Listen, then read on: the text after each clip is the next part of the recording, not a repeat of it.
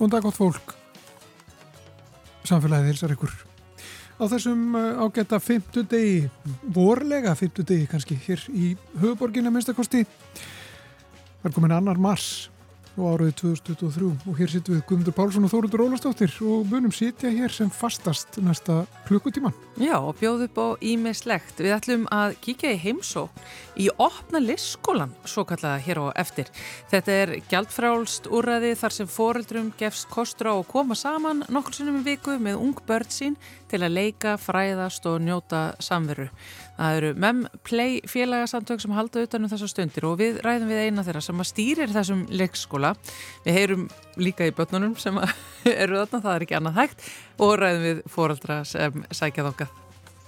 Við ætlum að fóröldnast um græna yðngarða sem munu innan margra ára hefja starfsemi í mannverkjum sem voru reist yfir fyrirhugað álver við Helguvík á Reykjanesi.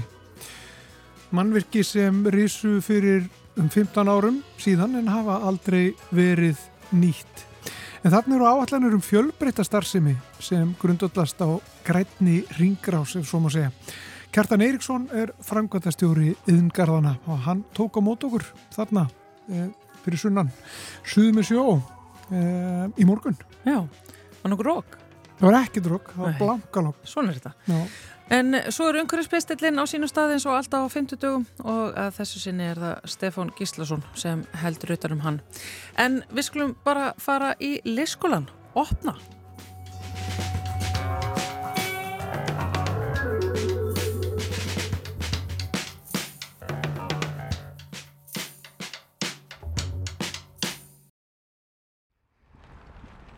Ég er hér fyrir utan samfélagshúsið, bólstöðar hlýðinni og eh, er hér á leiðinni að hitta konur sem eru með svo kallaðan opna listskóla og eru með þetta elda hér móður sem að heldur á badni.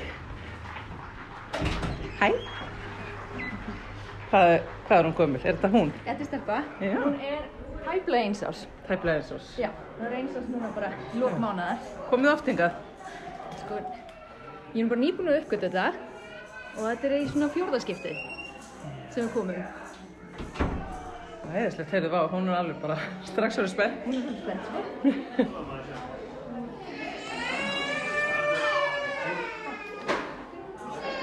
Það er rosa mikið af bönnum hérna og fóreldrum. Sæl, ég er frá Rásei. Gaman að hitta þig. Svo með leiðist. Herðu þig, bara. Og þá er ég sest hérna niður með Marju Ösp Ómarsdóttur uh, sem gaf sér tíma frá öllum litlu krútturum þarna frammi til þess að koma að spjalla við okkur. Þú ert eina leyskóla stýrum í opna leyskólanum. Opni leyskólinn, Marja, er hvað? Já, opnu leikskólinn er rosalega margt en hann er aðalega samveru vettvangur fyrir fóreldra og bönn. Eh, ef ég á að útskýra það mjög einfalt þá er þetta vettvangur fyrir eh, fóreldra ungra barna sem einhverjum ástæðum eru heima eh, alveg frá fæðingu í rauninni. Það fer bara algjörlega eftir því hvað fólk treystir sér til. Við höfum verið að, prófa okkur áfram með að vera með aðstöðu fyrir allra yngstu börnin líka. En þetta er henni leikskóla umhverfi þar sem að fóreldrar og börn koma saman. Og við leikum og við syngjum og hittumst og spjöllum og tengjumst. Og þetta er í rauninni mjög einfalt vegna þess að fólki sem að kemur það býr einhvern veginn til eh, stemminguna svona með hópnum bara. Já. Þannig að það mega bara allir koma ef þau eiga börn undir fimm ára eða? Já, þess vegna. Bara ef þú ert uh, með barn heima, ert ekki með barn sem ekki komið á grunnskólaaldur, ert ekki með það í dagvistun eða í skóla, þá ertu velkomin á leikskólan. Og það, þetta snýst í rauninu svolítið um það að eins og félagsamtakana gefur til kynna MEM, að, að vera MEM, að við viljum að fóldrar og börn leiki saman. Að í rauninni skapa aðstæður og vettvang þar sem að fóldrar og börn eru saman á gólfinu, eru saman uh, bara eigða tíma saman og með öðrum fólkdrum og öðrum bönnum sem er rosalega holdt fyrir okkur sérstaklega uh, fólk til dæmis í fæðingarólofi eða fólk sem er heimavinnandi með ung bönn sem að er svona held ég að vera algengara að fólk býði eða getur hefur aðstæði til og hafi bönnin heima. Að það er svo mikilvægt að hitta aðra í svipari stöðu Það er rosa margir hérna frammi uh, og mér finnst eiginlega sko blasa strax við Marja þó að þetta sé indislega aðstæða hérna að opna leikskólinn er á minnstakosti með það sem ég er að sjá hér í dag búin að sprengja utan á sér. Já, það hefur í rauninni gerst nokkrum sinnum nú þegar. Uh, þegar við byrjum, þá byrjum við hérna í laugadalnum á kaffjósnu Dal. Uh, voru þar tveisar í viku, uh, miðgudag og laugadag og laugadagum vor, var meira svona fjölskyldu samvera. Þá kom allir oldur og, og fólkdra með og í smiðjöfinu en, en það var fljótt mjög vel sótt og uh, Reykjavík borg svona nældi í okkur upp í Gerðuberg. Fengum afnótt þar af smá svona sólstofi og það tók nokkra mánu þá var það sprungið og við fengum að fara þá upp á borgarbókasafn í Gerðubergi. Og það sprakk líka og núna á miðugudöfum erum við um, í kjallarnum á, í Gerðubergi og það í gær voru þar 60 foreldrar og 60 börn Wow. Já, þannig að, og hér, nú erum við hérna í bólstæðaliðinni og, og hingað er að koma alltaf 30 til 40 fóreldrar og þá 30 til 40 börn á mig á 50 dögum og það er alveg augljóst að þörfin er rosa mikil. Vi, við erum bænir um að vera eftirhátti, uh, fyrr, um helgar kannski, þetta bara ég held að framtíðin sé rosa þarna núna í þessum sko málflokki allra yngstu barnana að skapa þennan vettvang. Og það er líka mikilvægt að það er ókipis til okkar, það eru allir velkomnir, það eru ekkert að skrá sig sem að gera þetta meira svona almennt heldur en það sem er í bóði eða hefur verið í bóði núna sem er líka mjög mikilvægt. Uh, en bara að hafa þetta val og geta valið annarkvort að fara í eins og í kirkistarfi sem að er mjög öflugt og mjög flott og faglegt eða í eins og uh, mömmumotna í hérna, líkamsræktastöðunum eða, eða foreldra íþróttir eða hvernig sem það er. En hér í, í opnulegskóla Menn Play þar erum við svolítið að hugsa meira á uh, að þetta sé aðgjöndlegt fyrir alla algjörlega óháð fjárhag, stöðu og hinga að koma allir. Og það hefur eiginlega svona sérst að þetta er líka rosalega flottu vettfangur til inngildingar fyrir eh, eins og nýja Íslendinga eða erlenda ríkisborgara vegna þess að hinga koma þau ekki í eh, nýbúa úrræði þau eru að koma sem foreldrar og eru að tengjast eh, öðrum í svipara stöðu bara sem foreldrar á jafninga grundvelli ekki sem uh, nýbúar og það er fallegt að sjá hvernig tengingin verður í gegnum börnin okkar. En er kannski ekki líka helst ástæðan fyrir því að það eru svona rosalega margir hérna listskóla vandin á höfuborgsvæðinu? Jú, það, uh, það held ég að spili inn í að stórum hluta vegna þess að núna er veruleikin svolítið þannig að við erum lengur heima uh, hvort sem það er val eða ekki. Og ég get bara sagt, ef ég segi bara svona persónulega mína reynslu að ég er búin að vera í fæðingarólofi núna í þrjú og hálft ár á þess að þrjú börn hérna í COVID.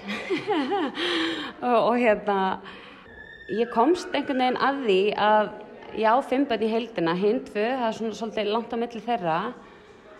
Að orlofi með þeim, það var alltaf öðruvísi, ég var einhvern veginn svona að býða og ég, fyrst var ég í námi, svo var ég svona að býða bara eftir að fara að vinna. Þannig að býða eftir að kláraðist, þá komst, komist þau bara inn á leikskóla og ég fór bara að vinna, en það var öðruvísi núna, þar sem að ég losnaði ekkert úr orlofinu, það bara held áfram og kom bara fleiri börn. Og náttúrulega vantaði svolítið að komast inn á dagvistun. Þannig að ég eiginlega fór svolítið að sjá það að í íslensku samfélagi, hvort sem það er með vilja eða ekki sem ég veist nú um, en það er lítið gert ráð fyrir svona litlum börnum, svona almennt. Það eru að sjálfsög einhverju möguleikar en ég upplýði mig rosa fyrir. Sérstaklega ég kom með tvö lítil að bara fara eitthvað, fara á kaffehús eða fara út að borða eða fara, veist, það var svolítið bara, maður var bara svolítið að bringa í göngutúr sko. Og, og þá líka bara sérstaklega, svo um maður hugsaður vegna þess þegar maður er í orlofi og ég er svona, uh, ég er kennari og, og unni svolítið mikið núna í, í leikskólum sem leikskólastjóri en líka bara fræðslu hlutin að þó ég er í fimm börn þá bara næstu því eins og þegar að nýja kemur þá bara endur setist heilinn og maður bara byrju hvernig var þetta? Þannig að uh, þörfin líka á almennu fræðslu fannst mér uh, eða fannst okkur það svona þú ert í fæðingarlöfi það er búið upp á námskeið en þú mátt ekki taka batni með þér þannig að eða það er setnipartin eða eitthvað svona en ég er samt í orlofi, ég er heima allan daginn og í rauninni núna þetta er svona þú veist, ef maður hugsa um þetta markastlega, veist, þetta er markabur sem er engin að hugsa um hérna, sko. Þannig að við skipta hugmynd fyrir einhvern uh, sniðan, en að sko, og þetta er fólk sem er tilbúið að fara og það er tilbúið að mögulega borga, það er tilbúið að leggja á sig til þess að bara gera eitthvað og tengjast fólki. Mm. Og líka bara eiga gæðastundi með börnarnu sínum, eins og einhver skrifaði eina af þjónustukönnunum okkar, mér er svo gott að koma í menn vegna þess að þá er ég með batinn mínu, ég, er, ég hef ekki afsökun að fara að hengja upp þótt eins og heima hjá mér. Já. Það er allavega bara indislegt að vera hérna. Ef við kíkja eftir inn til þeirra þú eru alltaf að opna hörðina neina þau eru alltaf rosa prúð Svo er svo skemmtilega flötur á þessu líka. Ég er náttúrulega við erum búin að vera að byggja þetta um núna síðust tvö árin. Og ég er náttúrulega búin að vera alltaf með börn með mér. Eða ófrísk Og þetta í rauninni hugsa ég, hugsuðu við líka sem mögulega vettvang til nýsköpunar á, á vinnumarkaði. Vegna þess að við sem vinnum í óknarleikskólanu, við erum allar fagmanniskur á okkar sviðum sem tengjast uh, uppeldi eða börnum eða, eða, eða virkni. Að uh, fólk geti, uh, til dæmis eins og leikskólakennarar eða hjókunarfræðingar eða yðvíþjálfar, geti haft þann möguleika á að starfa í ofna leikskólanum uh, samferða fæðingarólofi vegna þess að þú mátt taka barnið með í vinnina. Hmm. Frábær löst. Já, búin að leysa allan vandan. Marja Ösp Ómarsdóttir, eina af þeim sem kemur að því að halda utanum opna leikskólan í, fyrir félagsamtökin Memplay. Takk hérlega fyrir að taka þetta á mótið mér. Ég ætla bara að... Förum að leika. Förum að leika. Já, takk fyrir komina.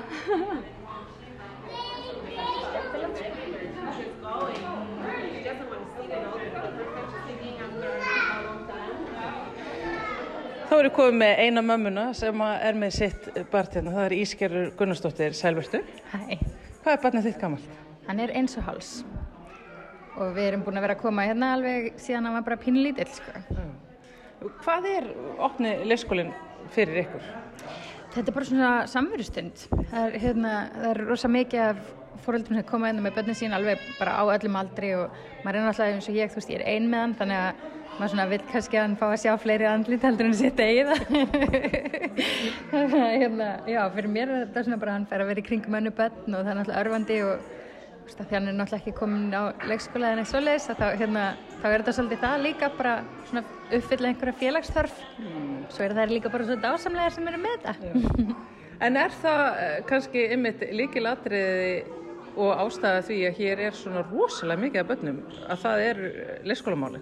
Ég held að það sé alveg bara ekki spurning sko.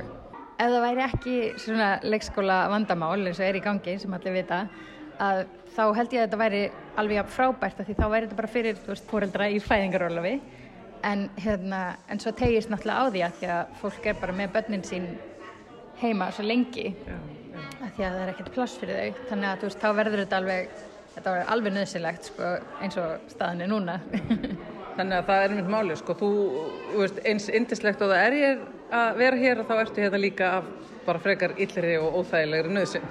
Já, vissilega væri maður ekki hérna ef það væri leikskólaplás, þú veist. Ég myndi, ég myndi kannski ekki segja ég kemur af illri nöðsinn af því að það hljómar að þetta sé eitthvað skellilegu staði. En illa nöðsinin er náttúrulega leikskólavandi. Já, ég minna að þú veist, það er bara að því að mér finnst þetta náttúrulega bara frábært að hafa þetta úrræði að hafa eitthvað stað til að koma sérstaklega eins og bara í vetur og svona maður er ekkert eitthvað að fara að róla þegar 20 steg frost Eh, Strákurinn þinn, ymmit út af bara svona félagstörfinni, hann er nú orðin það stálpaður, sko, veist, hann er bara að leika. Hann er bara að skoða sig um og leika og minna, hann þarf þetta, maður finnur það líka bara, þú veist, svo finnir líka ég er búin að vera, að því svo er maður náttúrulega bara að leita að hvað maður getur gert og þú veist, bara ég hefði fyrir döð leið heldur en að fara að hanga í kringlunni alla daga á, hérna, fyrir ekki svo lengur síðan. Og bara, þú veist, ég hefði hleyið fram hann í það, hefði sagt mér að ég myndi gera það, en þú veist, það er leiksvæðið þar. Já. og þú veist, við erum bara búin að vera mjög mikið í kringlunni, bara ég eitthvað að sitja á kantinu með hljóðbók og hann að leika þú veist, Já. af því að það eru bara ekkert eitthvað rosa margir staðir þú veist, maður fer náttúrulega, eh, ég fer ekkert með hann þú veist, svona lítinn í 20 steg frost á róló, þú veist að koma ymmið þessu, sko, ef maður er ekki með aðgang á leyskóla, að koma leyskóla, börnum á leyskóla aldrei í félagslíf jafnaldra, það er nefnilega ekkert hlaupið að því. Bara alls ekki, sko það er bara, ég minna það er sem betur fyrir að opna ég hef ekki farið ennþá í hérna fjölskyldiland mm. veist, það er líka, ég held að það, sé, held að það tengist þessu eitthvað og hérna, veist, þannig það er en þetta er náttúrulega líka bara fólk að reyna að gera að því að það bara vandar svo, það vandar svo að það sé eitthvað bara fyrir þessa litlu manneskjur til að gera Ég er að horfa á strákiðinu þarna, það er ekkert að hafa neinar á ykkur á honum. Þú getur alveg verið hérna inn í öðru herbergi með mér og bara Hann er alveg tilbúin sko. Hann er sko nýkomin úr stúdíu með mér, hann er öllu vanur þetta barn, hann hefur komið með mömmu sinni alveg bara út um allt. Hann er bara í rassasunum á mömmu. Ég vil samt að skila þér aftur til hans, takk hella fyrir spjallið og, og bara rétt til okkin ískerður. Serðu eitthvað fram á að koma strafnum á leyskóla? Ekki eins og staðan er, er komin, ég er búin að vera að reyna að, hérna, bara einmitt í þessari viku sko, búin að vera að reyna íta á og svo að því að ég er eina þá, hérna, var búin að vera að segja mér að ég ætti að geta fengið forgang en maður þarf að vera einn með þrýbröð til þess eða þrjú börn undir nýjóra, þú veist, og hérna, og svo var ég búin að, það er búin svona að vísa, þeir senda mér alltaf sama listan bara, svo búin að vísa mér hinga og þangað og alltaf kemur bara ekkert og hann er komin sko 22 plássum neðar á lista heldur en hann var í haust Mér skilst að það sé út af einhverjum miklumálum í leikskólanum þannig að maður er ekki, ég get ekki sagt því sem ég er bjart sín. Þannig að það er bara, þannig að þú, þetta er bara eitthvað sjóndeldarhringum að hann komist á leikskóla. Nei. Hvað er hann gaman? Hann er 20 mannaða. Ég bara krossa fingur fyrir þig, Ískerður Gunnarsdóttir, takk fyrir spjallið. Takk sem leiðis.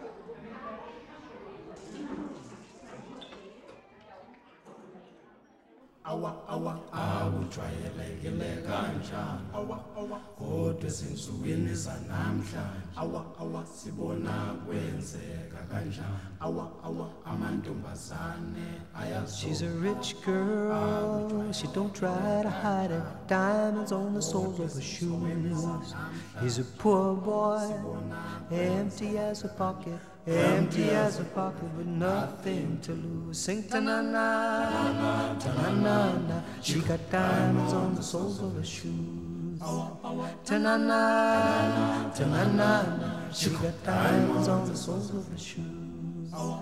Diamonds on the soles of her shoes. Diamonds on the soles of her shoes. Diamonds on the soles of her shoes. Diamonds on the soles of her shoes.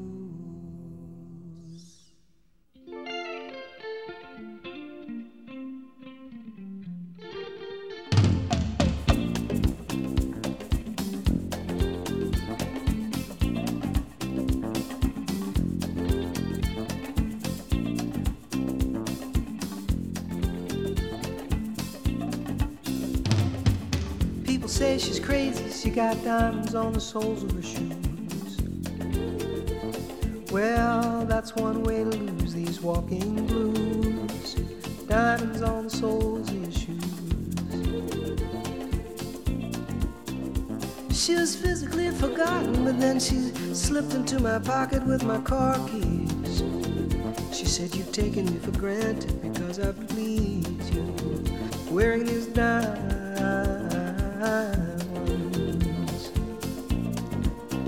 and I could say, ooh, ooh, ooh,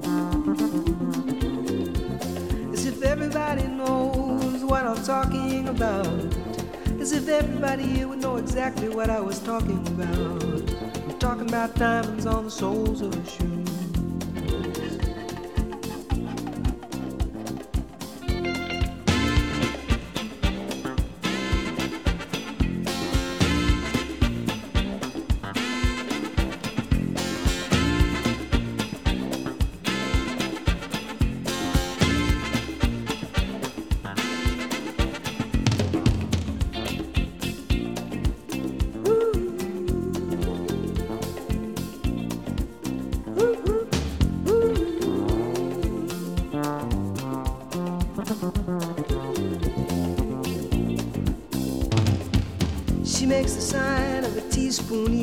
Sign of a wave.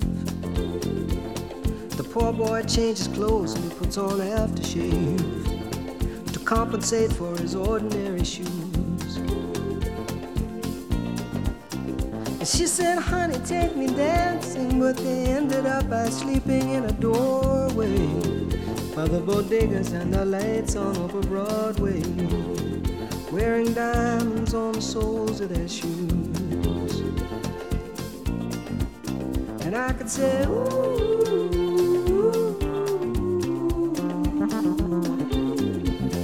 everybody here would know what I was talking about.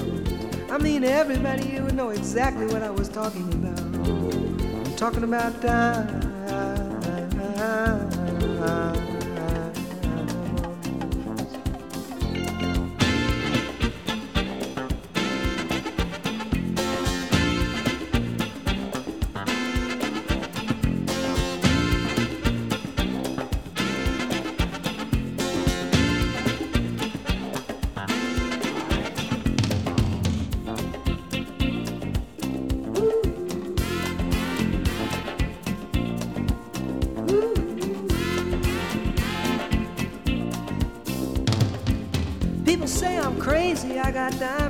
Soles of my shoes, yeah.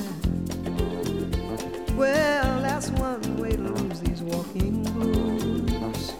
Diamonds on the soles of my shoes.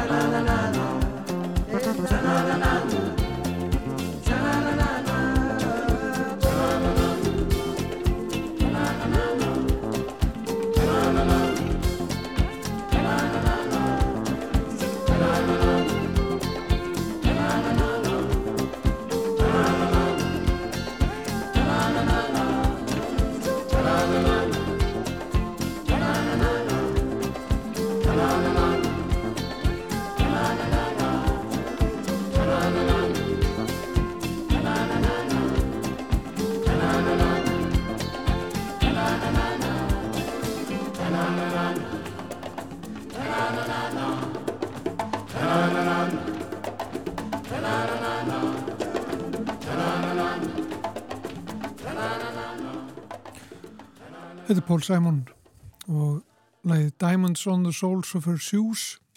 Þetta er uh, lag af blöðunni Greisland sem kom út árið 1986. En samfélagið var á ferðinni fyrir í dag.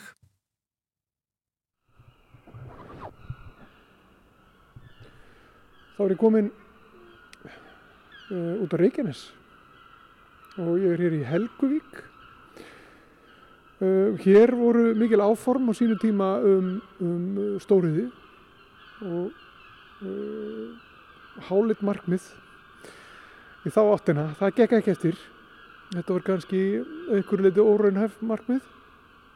En hér eru mikil mannvirki. Hér stendur til dæmis uh, kísilvarsmiða sem að fór nú í gang en hefur ekki verið í gangi í svolítinn tíma og er Uh, hafa hlutist af mikil vandræði á þeirri, þeirri versmiðu.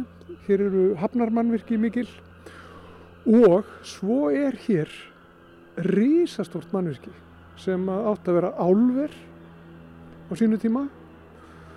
Hefur staðið upp síðan. Það voru hugmyndir hér um fiskeldi. Samherji var að skoða það á einhverju tímapunkti.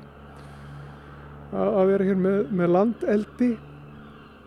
Það var ekki, en núna er búið ákveða það að hér verða grænir yðngarðar og uh, Kjartan Eiríksson er framkvæmdastjóri þeirra, hann er hér hjá mér. Við stöndum hérna inn í þessu, þessu bara gímaldi, þetta er gríðarlega stórt mannverki. Já, þetta er mjög stórt. Þetta eru sko golfleitun 25.000 fermetrar og uh, við teljum að við getum náði jafnvel um 35.000 fermetrum út úr þessu þannig að þetta er mjög stórt mannverki. Og við kannski svona okkar nálgun uh, eins og varandi þetta gengur út á svolítið eða er svolítið önnur heldur en kannski hafi verið hugsuð hér áður að, hinga til var kannski verið búið að vera að leita einhverju stóru verkefni til að koma og nýta allt húsið en okkar hugmyndafræði gengur bara út á það að hluta húsið niður og bjóða þá bæði sprótafyrirtækjum, rannsóknarstofnunum og bara fyrirtækjum sem þurfa stærra rými að hérna þá aðstöð í þessu húsi þess, í þessum gardi okkar. Og hvað eru þá grænir yðngarðar? Grænir yðingarðar eru í raun og veru sko svona heldar hugsun. Það er klasi fyrirtækja, það sem að fyrirtæki vinna saman til þess að reyna að skapa meiri verðmæti og, og yfirleitt hugsa þannig að hratið frá einu og það verður með einhverjum hætti aðföng frá öðru. Og það sem við ætlum að gera hér byggir að miklu leiti á hugmyndafræði eh, íslenska sjáaklassans, það sem búið er að vera að gera sambarileg hluti í tengslu við fullnýtingu á fiski á, á þoskinum að, reyna að ná fram 100% nýtingu á honum. Það sem verið er að vinna í dag alls konar efni og, og afurðir úr fiskinum kannski sem áður var hent og voru engi verðmæti. Þannig að hugmyndafræðin okkar gengur út og það að púsla hér saman fyrirtækjum. Það sem að hrat ef að verður til í starfsemi eins fyrirtækis verður þá aðfengum annars fyrirtækis til að búa þá til verðmæti úr því. Þannig að það verður einhvers konar ringrás sem, að, sem að verður hér í þessum yngurðum. Algjörlega, Vi, við erum að horfa á og líka til dæla hreinan yðnað. Það er náttúrulega gríðarlega tækifæri á Íslandi í tengslu við margskonar eldi og rektun og þörungarækt, grammeti og matvæla framleyslu og alls konar. Þannig að þetta er líka svolítið ný nálgun varðandi e, þá, þá starfsemi sem þú nefndir eins og varðandi Helguvíkina að, hér var hugsun náttúrulega stóriði á sínu tíma. Við erum statti núna sem sagt á, á sveitafélagamörkum tveggja sveitafélaga. Byggingin þessi er í Suðunisjabæ og, og Reykjanesbær er hérna bara hinum með línar en þetta er gríðarlega vermætt svæði til lengri tíma litið hér og, og nálaðin við keflauguflugöll til að mynda og með höfnina í Helguvík að hún opnar alveg gríðarlega tækifæri fyrir fyrirtæki sem er í einhvers konar framleiðslu varandi útflutning á ferskum matvælum og þar fram til göttum. Sjáu þið þá fyrir ykkur að hér verði svona blöndu starfsemi, hér verði framleiðsla, hreinlega uh, og, og líka jafnvel rannsóknastarf eða eitthvað slíkt? Algjörlega, við sjáum það og við, við teljum til að mynda eins og við horfum á bara eldið eitt og sér að það, eru, það er gríðarlega mikil vinna framundan þar að hérna að ímislega sem þarf að þróa og rannsaka til að ná tökum á þeirri framleyslu sem verið er að fara stað með. Og það geta verið kjörinn tækifæri fyrir, fyrir fyrirtæki að stíga sem fyrstu skref hér í, í samstarfi við rannsóknarstofnanir og háskóla. Og það er raun og veru aðstæðan sem við ætlum að, að horfa til að bjóða. Og, og þar með getur orðið til sprotar sem getur þá þróast í, í út, og stækkaði gardinu til lengri tíma litið. Já. Hver er standa baki þessu, þessum grænu yngurðum? Hver, hver er munu eiga þetta húsnæði og þessa aðstöðu og, og sjá um þessa uppbyggingu? Já, þetta er, þetta er í raun og veru hugmynd sem að við Þór Sigfússon, stopnandi íslenska sjáklassans, erum búin að vinna í tvö ár og, hérna, og kynntum fyrir sveitafélagunum á sínum tíma og höfum verið að vinna í þessu allatíð síðan. Síðan stendum með okkur mjög sterkur hópur fjárfesta sem er komin að verkefninu og, og það eitt og sér er líka ákveðin stuðningur eins og varandi fyrirtækin sem er að koma hér inn í því að skapa þá aðstöðu fyrir þau. Þannig að í raun og veru erum við bara með heildar koncept sem við getum þá bóði fyrirtækjum aðstöðu á staðnum. Þannig að það er mjög öflugur hópur í raun og veru á bakvið og síðan náttúrulega erum við í samstarfi við sveitafélögin og, og nefnum þar eins og við nefndum að þetta mannverki væri innan Suðunisjabæjar. Við erum, erum í góðu samstarfi við Suðunisjabæ og Reykjanesbæ sem er leiðis varandi höfnina og þann infrastruktúr sem þar er þróunarfélag Keflavíkurflugvallar sem á, er í raun og veru formulega landeigandi hér á svæðinu fyrir hönd ríkisins að við vinnum náða með þeim og þetta fellur algjörlega innan þeirra hugmyndafræði, innan, innan þeirra hugmyndafræði sem þeirra á móta varandi nýting á svæðinu til langstíma litið. Þannig að það eru mjög öflugur hópur og, og, og margir aðeila sem koma að því að, að stýðja við verkefnið og, og koma því áfram. Já. Það er hérna, er það ekki í svarsengi, er, er ykkur svipustars eða það er svona svipu hugsun er það ekki sem er þar. Jú, það er alveg hár rétt sko. Það er til að mynda sko, uh, HS Orka hefur verið með þetta koncept sem þið kalla auðlindagarðin á Reykjanesi og, og mikið af fyrirtækjum sem eru sem sagt, stödd þar og hugmyndafræðin er einmitt nákvæmlega svo að nýta þær auðlindir sem koma upp í jörðinni sem, með sem fjölbreytustum hætti og, hérna, og þar eru alls konar ströymar sem verið er að nýta og, og, og, og hugmyndafræðin líka þar að það sé hrein starfsemi í raun og veru sem sé ekki að skila þá neinum, neinum úrgangi út í umhverfið og við höfum átt í viðræðum við HS Orku um náið samstarf að því að hér getur líka verið aðstæða til að þróa eins og ég nefndi íms að sprota sem að geti á endanum eh, þurft á meiri starfsemi eða nálaði virkjanir að halda og geti þá átt svona sinn heldar lífsferil í, í, í, í því umhverfi til lengri tíma litið. Þannig að þetta svæði hérna gæti orðið svona ansi svona, já hvað var að segja, dýnamist, uh, hvað þetta varðar og svona, já, grænt. Og dýnamist. Nákvæmlega og við teljum það líka að hér sé bara vera í raun og veru að, að byrja alveg nýja tíma að, að hér getur ímynda eins og þetta hefur orðið flóra fyrirtækjum sem er í margs konar rannsóknarstarfsemi hvaða tækifæri það býður upp á fyrir ungt fólk á svæðinu. Þú veist bara, bara að fjölbreyttum toga, þú veist hvort sem að það er fólk, uh, ungi, ungt fólk sem uh, fer í vísindanám viðskiptafræði, lögfræði eða alls konar hluti sem tengjast þeirri starfsemi sem hér mun vera. Þannig að við tegnum líka að þetta muni hafa mikil áhrif á samfélagið hér í kring til langstíma litið og opna bara tækifæri fyrir ungt fólk og, og fólk með ólíkan bakgrunn og mentun til að starfa og búa hér á svæðinu. Þannig að, þannig að þróun samfélagsins klálega mun taka ákveðið með því hvað, hvað er að fara að gerast hér. Að fólk festir hér rætur og býr jafnvel hér frekar en heldur hann að fara að leita sér að, að, hérna, að starfi annar staðar við sitt æfis. Við heyrðum hérna í máfunum, gargiði þeim hérna. Sko þetta er náttúrulega bara galopið. Um, þó að hér, þetta hefur verið klætt, þessi hús eru klætt, þessi skálar, þetta eru náttúrulega hugsað sem kerskálar í rauninni. Uh, en þetta er opið, stóru hluta er þetta bara opið fyrir veður og vindum og, og máfum. Þeir eru, þeir eru mjög resir hérna. Það lítur að þurfa að fara hér í meiri hátar uppbygging.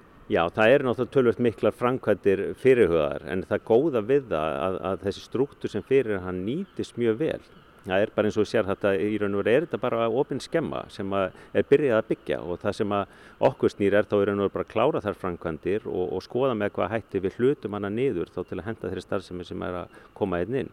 En ég myndi segja að kosturinn samt sem áður eins og þetta að það eru mörg, mörg svona verkefni sambærlega við það sem við erum að vinna í gangi út um all land. En kosturum við þetta verkefni hér er komin ákveðin struktúr sem nýtist að það þarf ekki að fara að stinga niður skoblu og teikna á hanna til að koma hlutum í gang og þar með erum við jafnvel að stitta þeim fyrirtækjum sem vilja fara á stað jafnvel ferilinn um tvö ár frá því að, að þyrta að fara að skipulegja land og stinga niður skoblu að þanga til að aðstæðan væri jafnvel komin á þennan stað sem að þessi aðstæða er í dag. En auðvitað það er rétt að það er tölvöld mikið sem áttur að gera hérna til að loka húsinu, einangra, hluta það niður og leggja svona helstu eins og ramagn og, og hitta og fleiri þeimdur en þetta er raun og veru bara allt mjög hefðbundin byggingar, hefðbundna byggingafrænkvæmdir raun og veru. Aðeins minna ramagnin þurfti, hefði þurfti hérna í álver eða eitthvað? Já, töl, tölvert minna en samt sem áður er það þannig að við sjáum alveg fyrir okkur að það verði einhver orkunótkun hér og, hérna, og þá hún sé aldrei í þeim mæli sem að álver er að taka En þá erum við eins og ég nefndi að horfa á margskonar ræktun og varandi þörunga og grammeti til dæmis og allskins eldi og, og, og, og til þess að það sé nokkur orka sem komi hér inn á svæði, jafnvel í einhverjum 20 megavatta til, til lengri tíma litið. Hvað mun kosta að koma þessu í, gagnið? Getur þú sagt það, veistu það?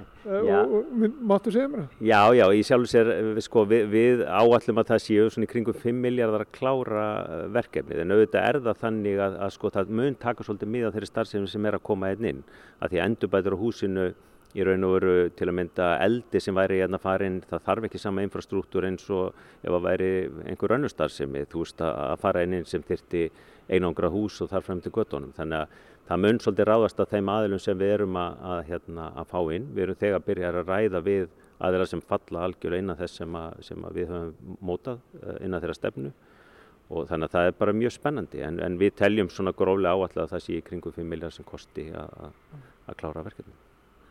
Sko þetta er ekki bara, sko það eru tveir svona stórir skálar, bara langir skálar mm -hmm.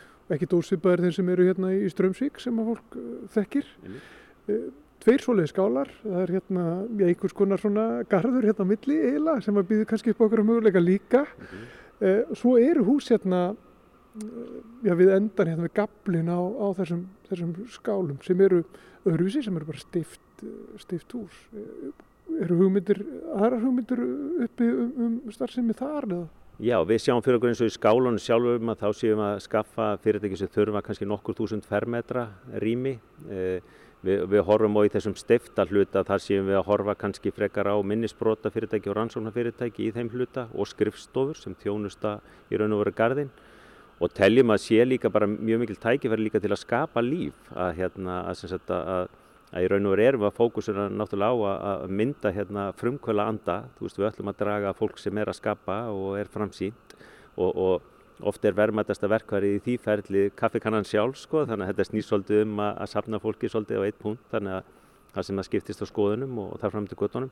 Þannig að við munum gera allt sem við getum líka til að gera umhverfið aðlagandi og, og skapa skemmtilegt líf.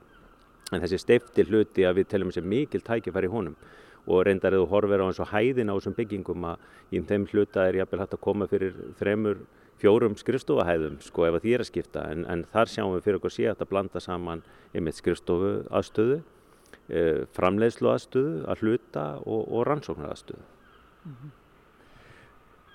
Þetta, þessi skáli sem við stöndum í hérna núna, hann er, það er mjög hátt til lofts hérna, þannig að þetta getur líka verið á, á nokkrum hæðum.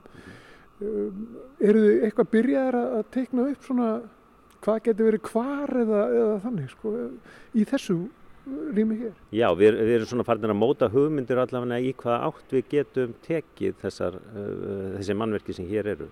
Og, og, og auðvitað ræðst að svolítið að þeirri starfsemi sem mun koma inn. Í fyrsta legi ef við erum að tala um fyrirtæki sem þurfa mikla lofta þá erum við ekki að fara að setja inn milliloft. En ef að fyrirtæki þurfa kannski ekki nema 5-7 metra sem er bara hefðbundin yðnaðar loftað að þá er tækifæri til að setja milliloft í húsið að, að, að, að hluta eða öllu leiti þess vegna og, og, og jafnvel mikið af þeim struktúr sem að þyrti til að gera það er nú þegar til staðar í húsinu. Þetta var allt mjög sterk byggt og, og gert til að, að bera í raun og veru mjög þunga starfsemi sem hér átt að fara inn. Þannig að mikið af þeim struktúr sem er hérna nýtist okkur áfram í þeim framkvæmdum en auðvitað eiga verkfræðingar eftir að útfara það endalega hvernig það verið gert. Já.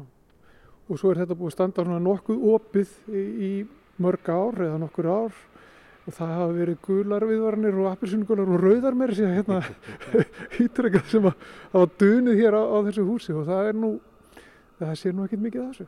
Nei, er, og það er líka bara eins og þetta, þetta er náttúrulega mjög sterk byggt, gott stál í þessu og klæningin góð, það sér eiginlega ekkert á henni, en auðvitað náttúrulega hefur eitthvað fókið úr þessu, alveg klálega, og reynd mikið á þetta, þetta stendur hér náttúrulega svona alveg við sjóinn og, og, og, og stundum eins og sérstaklega í vetur hefur, hefur gustað eins um, en það er alveg ótrúlegt hvað þetta hefur staðið vel og sýnir raun og veru hvað bara sá struktúr sem er hérna er, er góður. Hvað eru það að hugsa í, í tíma? Eru þið með einhver plön þar? Er einhver dagsetning sem þið horfið á eða svona einhver, einhver ársfjórðungur eða eitthvað slíkt sem þið horfið á? Já, við, við náttúrulega e, e, í raun og veru erum bara að horfa til þess að byrja í raun og veru strax að undirbúa og erum þegar náttúrulega farin að ræða við aðala sem eru áhuga sem eru að koma einn inn og, og, og ég held að sé ljósta að svona eftir að fretti fara að byrta staða þessu og þetta hefur gerst ofinbært að þá eru svona fleiri sem að átta sig á því að þarna getur verið vanlegu kostu fyrir þá líka að, að koma og þróa sína starfsemi. Eh, við erum að horfa til þess að, að það að fylla þetta hús muni jáfnvel taka í kringum fimm ár og hérna og, og það er svona já, plani sem við horfum til að, að, að það gerir og höfum hluta það bara niður, við teljum það sé bara líka raunhaft svona frankaldalega séð en í raun og veru ef, ef það gerist það þá erum við tilbúinir í, í, í að hjóla í það, ef það kemur aðeins sem þarf meira pláss og tækifæri verða til að vinna það hraðar að þá erum við nú þegar klárir í það Er einhverju þegar farnir að banka eða eru þið farnir að nýpa í einhverju og segja hérna þetta stendur til hérna og geti hendað ykkur? Já, já, það er þannig og, og aðeins líka farnir að koma að borðinu til okkar og, og, hérna, og svona velta upp þeim möguleika hvað aðstöðu væri að þróa fyrir þá. Þannig að það er mikill áhugi fyrir þessu og bara eins og ég nefndi að þetta getur flýtt fyrirtækjum ferilinn að koma í gang sinni starfsemi jafnvel um, um tvö ár frá því að, að byrja alveg frá grunni. Þannig að það, það eru, það eru peninga líka í rekstur marga fyrirtækjum. Kjartan Eiríksson, frangatastjóri græna yðngarða sem að munu hefur hér starfsemi vantarlega innan mjög langs tíma. Uh, þá gafna að fá að skoða þetta hérna, skoða hérna kérskálana sem að áttu að vera, uh, sem að einhvern tíman voru svo áformum að erði eldi, landeldi. Gáðan að fá að koma og skoða þetta allt saman og takk fyrir að sína okkur þetta, þessa aðstöðu hérna í, ég sagði nú Helguvík áðan, Helguvík er hérna rétt hjá, til er þetta Helguvík, erum við ennþá að tala um það? Já, í raun og veru var þetta partur af Helguvíkur uppbyggingun á sínum tíma og það sem að gerist hins vegar núna að, að núna í raun og veru er þetta, en mannverki er samt innan sveitafélamarka Suðnisjabæðir. Þannig að Helguvíkin tilherði Reykjanesbæ og uppbyggingu og vegum Reykjanesbæðar á sínum tíma en nú er mannverkið innan Suðnisjabæðar en það breytir ekki því að allir kostinni sem Helguvík hefur og, og alls og uppbygging sem þar hefur átt sér stað er alveg klálega mjög mikilvæg inn í það sem við erum að hugsa hér. Þannig að þetta, við horfum á þetta svæði í raun og veru sem eina heild en, en, en sveitafélag mörgin liggja hérna rétt við gablin á húsinu. Já, og, og þessi starfsemi mun tilhera Suðuninsbæ. Já, það er rétt. Takk hjálpa fyrir að taka mót okkur. Takk.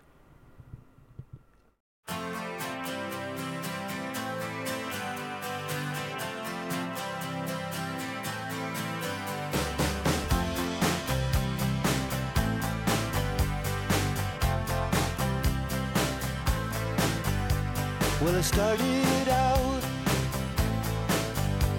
down a dirty road. Started out all alone, and the sun went down as I crossed the hill, and the town lit up the world gets still. I'm learning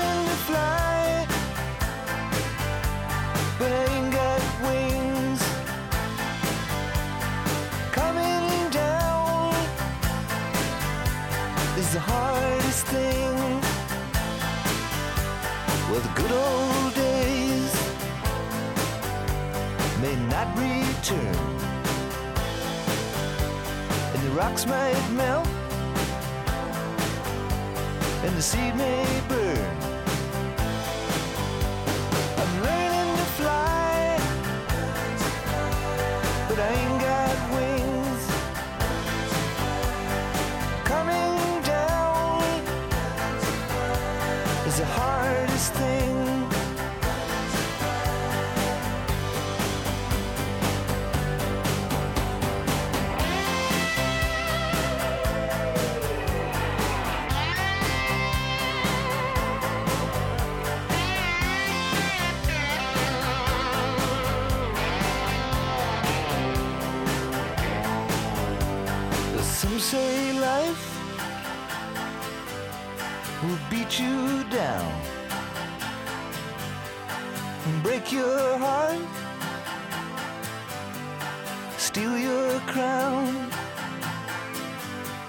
So it started out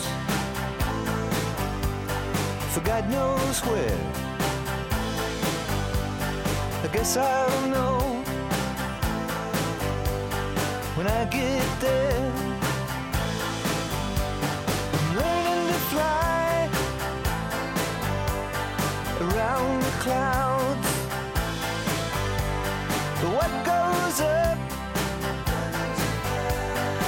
Must come down.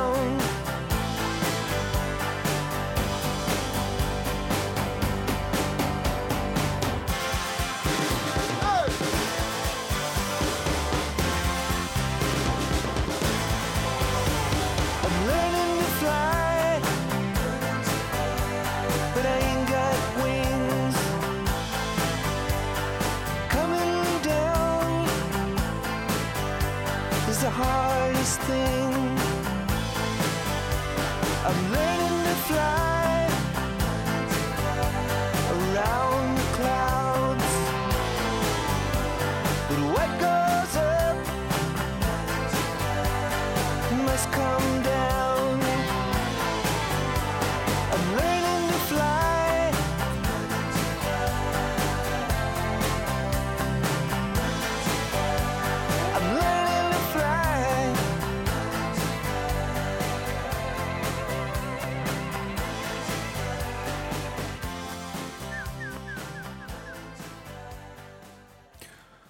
Tom Petty á samt uh, hljómsveitinni The Heartbreakers.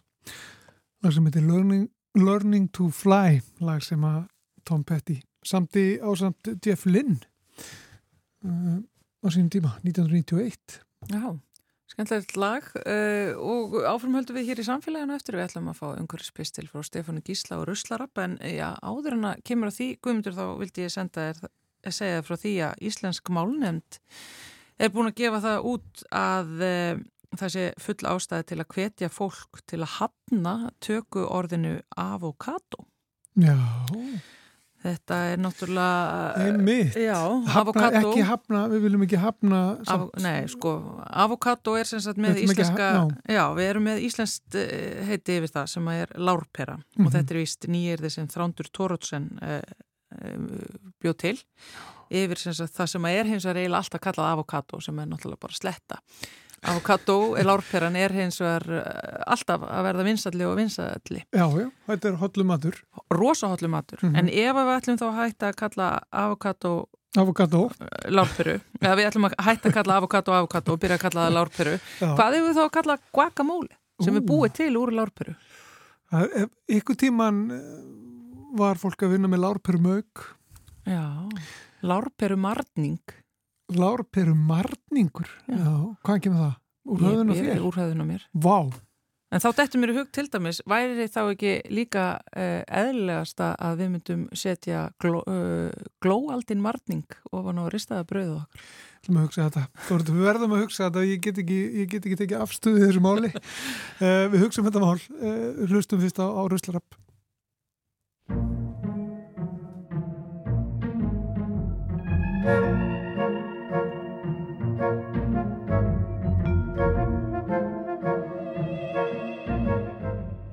Og þá eru við komin í ruslarappið hérna í samfélaginu, Eiríkur Örd Þorstesson, sem er sérfræðingur í fræðslu og miðlun hjá Sorpu er sestur hjá okkur og hann fer alltaf yfir eitthvað svona eitt atriði sem að fólk er að böglast með þegar það er að flokka. Og hér erum við með eitthvað sem að hlustandi sendi inn til okkar á samfélagið at erru.is. Það eru, hvað á að gera við kassakvittanirnar? Já, alveg rétt. Hérna, þegar við tökum kassakvittanir þá kannski hérna, fara þeir svo fljótt í rusl eða, eða við reynum að flokka þeir. En pappirinn og efni sem er á kassakvittunum, pappirinn kallast thermalpappir, ég hef bara því miður ekki fundið í svona íslenskt eða, eða betra orð yfir þetta. Eh, Efnið í þessum pappir í raun og veru getur eðilagt endurvislu farfi annars pappirs. Þannig að uh, kassakvittanir, þær eiga að fara með almennu sorpi. Þær eru nú verið ekki endurvinnanlegar. Já, þetta er ekki heiðarlegur pappir. Nei, í raun og verið ekki. En svo má líka bara sleppa þessu kassakvittunum. Jú, svo er það náttúrulega. Og sjáum reynda hvað við erum að kaupa, en, en ef við hefum tök á því, þá er mitt bara að segja neytak við kassakvittin. Já, og svo er náttúrulega alltaf spurning hvernig kassakveitirinn verða bara rafrænar, bara byrtast okkur bara. vonandi. Já, gera það. En allavega, fyrst að það eru ekki úr almennilegum pappir, þá þið það að þegar þið eruð búin að skoða kassakveiturina ykkar og búin að taka upp úr öllu hérna, innkaupa bókunum, setja þetta þá í almenna röslið. Akkurat. Takk fyrir þetta, Eiríkur. Takk sem leiðis.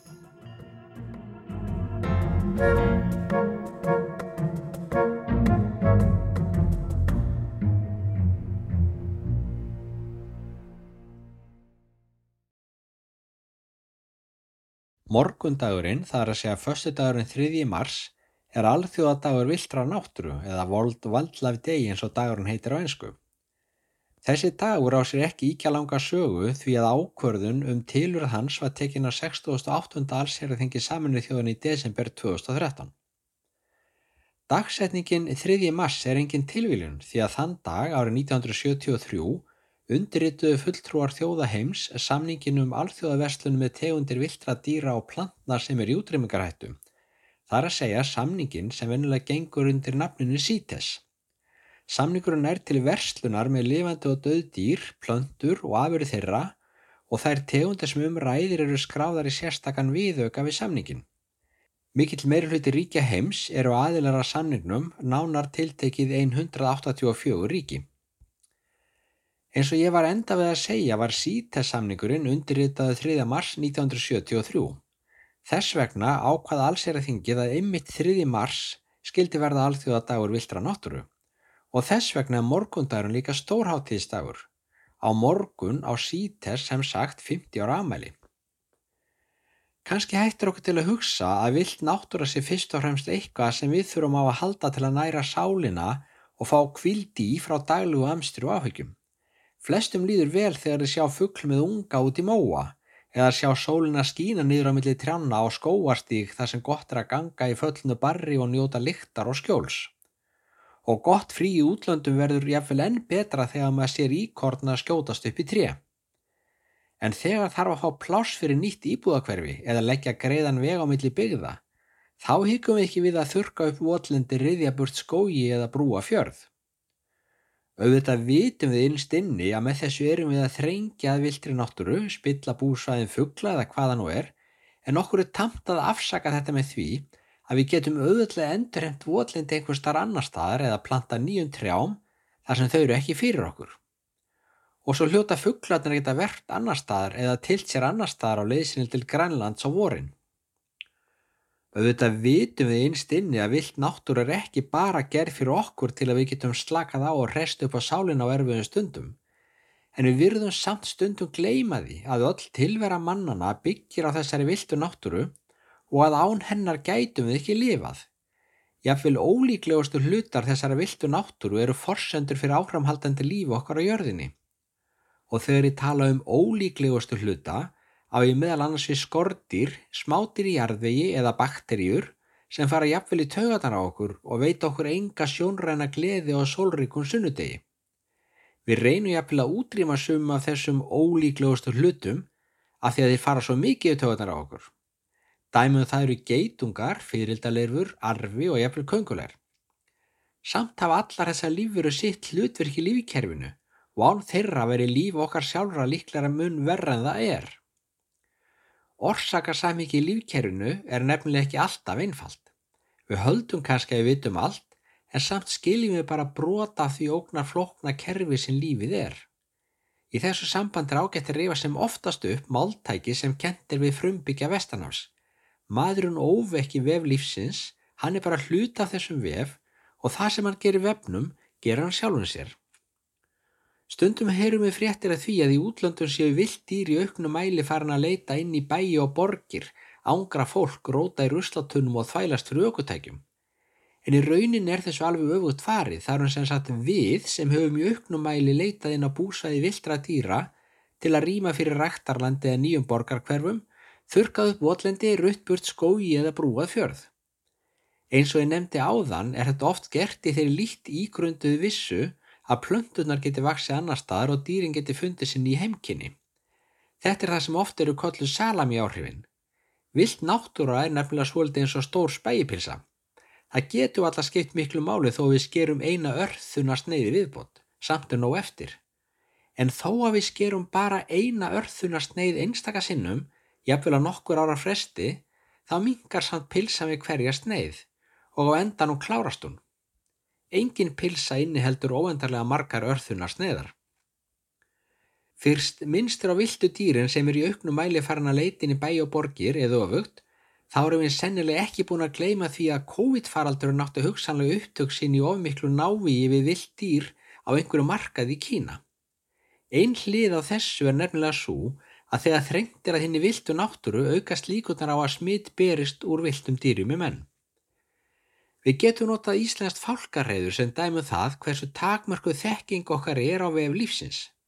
Kanski eðilegst reyðurstæði þegar við leggjum veg, byggjum virkjun eða brúum fjörð. En fálkinn drefst ekkert og hann hlýtur þá að geta fundið sér nýja stað til að verpa á. Er ekki annars nóg af klettum á Íslandi? Það sem við skiljum auðvitað ekki er að fálkinn þarf ekki bara að finna sér nýtt reyðurstæði heldur nýtt óðal. Það er að segja nýtt reyðurstæði með stóru helgunarsvæði allt í kring. Hinnir fálkarnir hafa nefnilega þegar helga sér sín svæði og eru alls ekki til í að hleypa hælisleitendum inn á það. Þekkt dæmi um takmarkaða þekking okkur á vef lífsins er sagan um það hvernig aukin nótkun verkelfisins voltaren leiti til fjölgunar hundæðis tilfella í Indland og Pakistan. Þar um slóður var þetta tiltekna lifi mikið notað í byrjun þessara aldar til að lina þrautir heilagra kúa. Sumar þessara kúa urðu samt að fæðu fyrir hrækama sem þóla voltarinn einmitt sérlega illa. Lífið eidilegur nefnilega í þeim nýrun. Þess vegna drápust hrækamar unnvörpum og fækkaði sumstar um alltaf 99% á 10 ára tíðanbili. Sala livsins sem dýralivs var bönnu 2006 og það var stopnur hrækama til bjargar, allavega í bili. Hrækamar njóta ekki mikill af vinselda en fækkun þeirra hafið þó ýmsar óheppilega raukaverkanir, meðal annars þær að hundæðist tilfellum fjölgaði verulega. Ástæðan var svo að villi hundum fjölgaði heilu óskup þegar þeir þurfti ekki lengur að keppa við hrækamana um aðganga hræjum. Inngripi vef lífsins hafa oft óvæntar afleðingar. Alþjóðadagur viltra náttúru 2023 þar að segja morgundagurinn er helgaður samstarfi um vernd viltra náttúru. Antonio Guterres aðreitari saminuð þjóðana orðaði það svo í ávarpi sem hann sendi út á dögunum að deginu væri ætlað að undistryka nöðsinn þess að ríkistjórnir, almenningur og atvinnulífið taki höndur saman um að breyta áformum í aðgerir, en það sé þörf á miklu rótækjara aðgerið nú en áður til að spórna gegn hnignu náttúrunar. Auk heldur þurfum við í öllum okkar gjörðum að taka marka á orðum heimafólks og frumbyggja en það séu þessir hópar öflugustu vörslumenn lífræðilegra fjölbreytni. Þessi orð aðalritarans um rétt frumbyggja og hlutverk þeirra sem vörslumanna náttúrunar fá hugan til að reyka að útittirum fjármála og matvælaráðunitan í Oslo. Í gær bar norska lauruglan Gretu Thunberg og fleira fólk frá þessum útittirum en þetta fólk hafi mótmælt því að tvö vindorkuver á beitilandi reyndirahyrða af ættum sama í þrændalögum hefðu ekki enn verið fjarlag þrátt fyrir að 500 daga væru liðinir frá því að verum voru dæmt óluleg. Morgundagurinn er upplagt tækifæri til að velta í fyrir sér hvort við séum að réttir leið í umgengnu okkar við þennan viltu náttúri. Og í leiðinni er alveg óhætt að velta í fyrir sér hvort við byrjum næga virðingu fyrir frumbyggjum og öðrum þeim sem vilja vernda það sem fyrir er í heimabyðinni þeirra, hvort sem það er vilt náttúra, menningararfur heimamanna eða samblanda hvoru tvekja.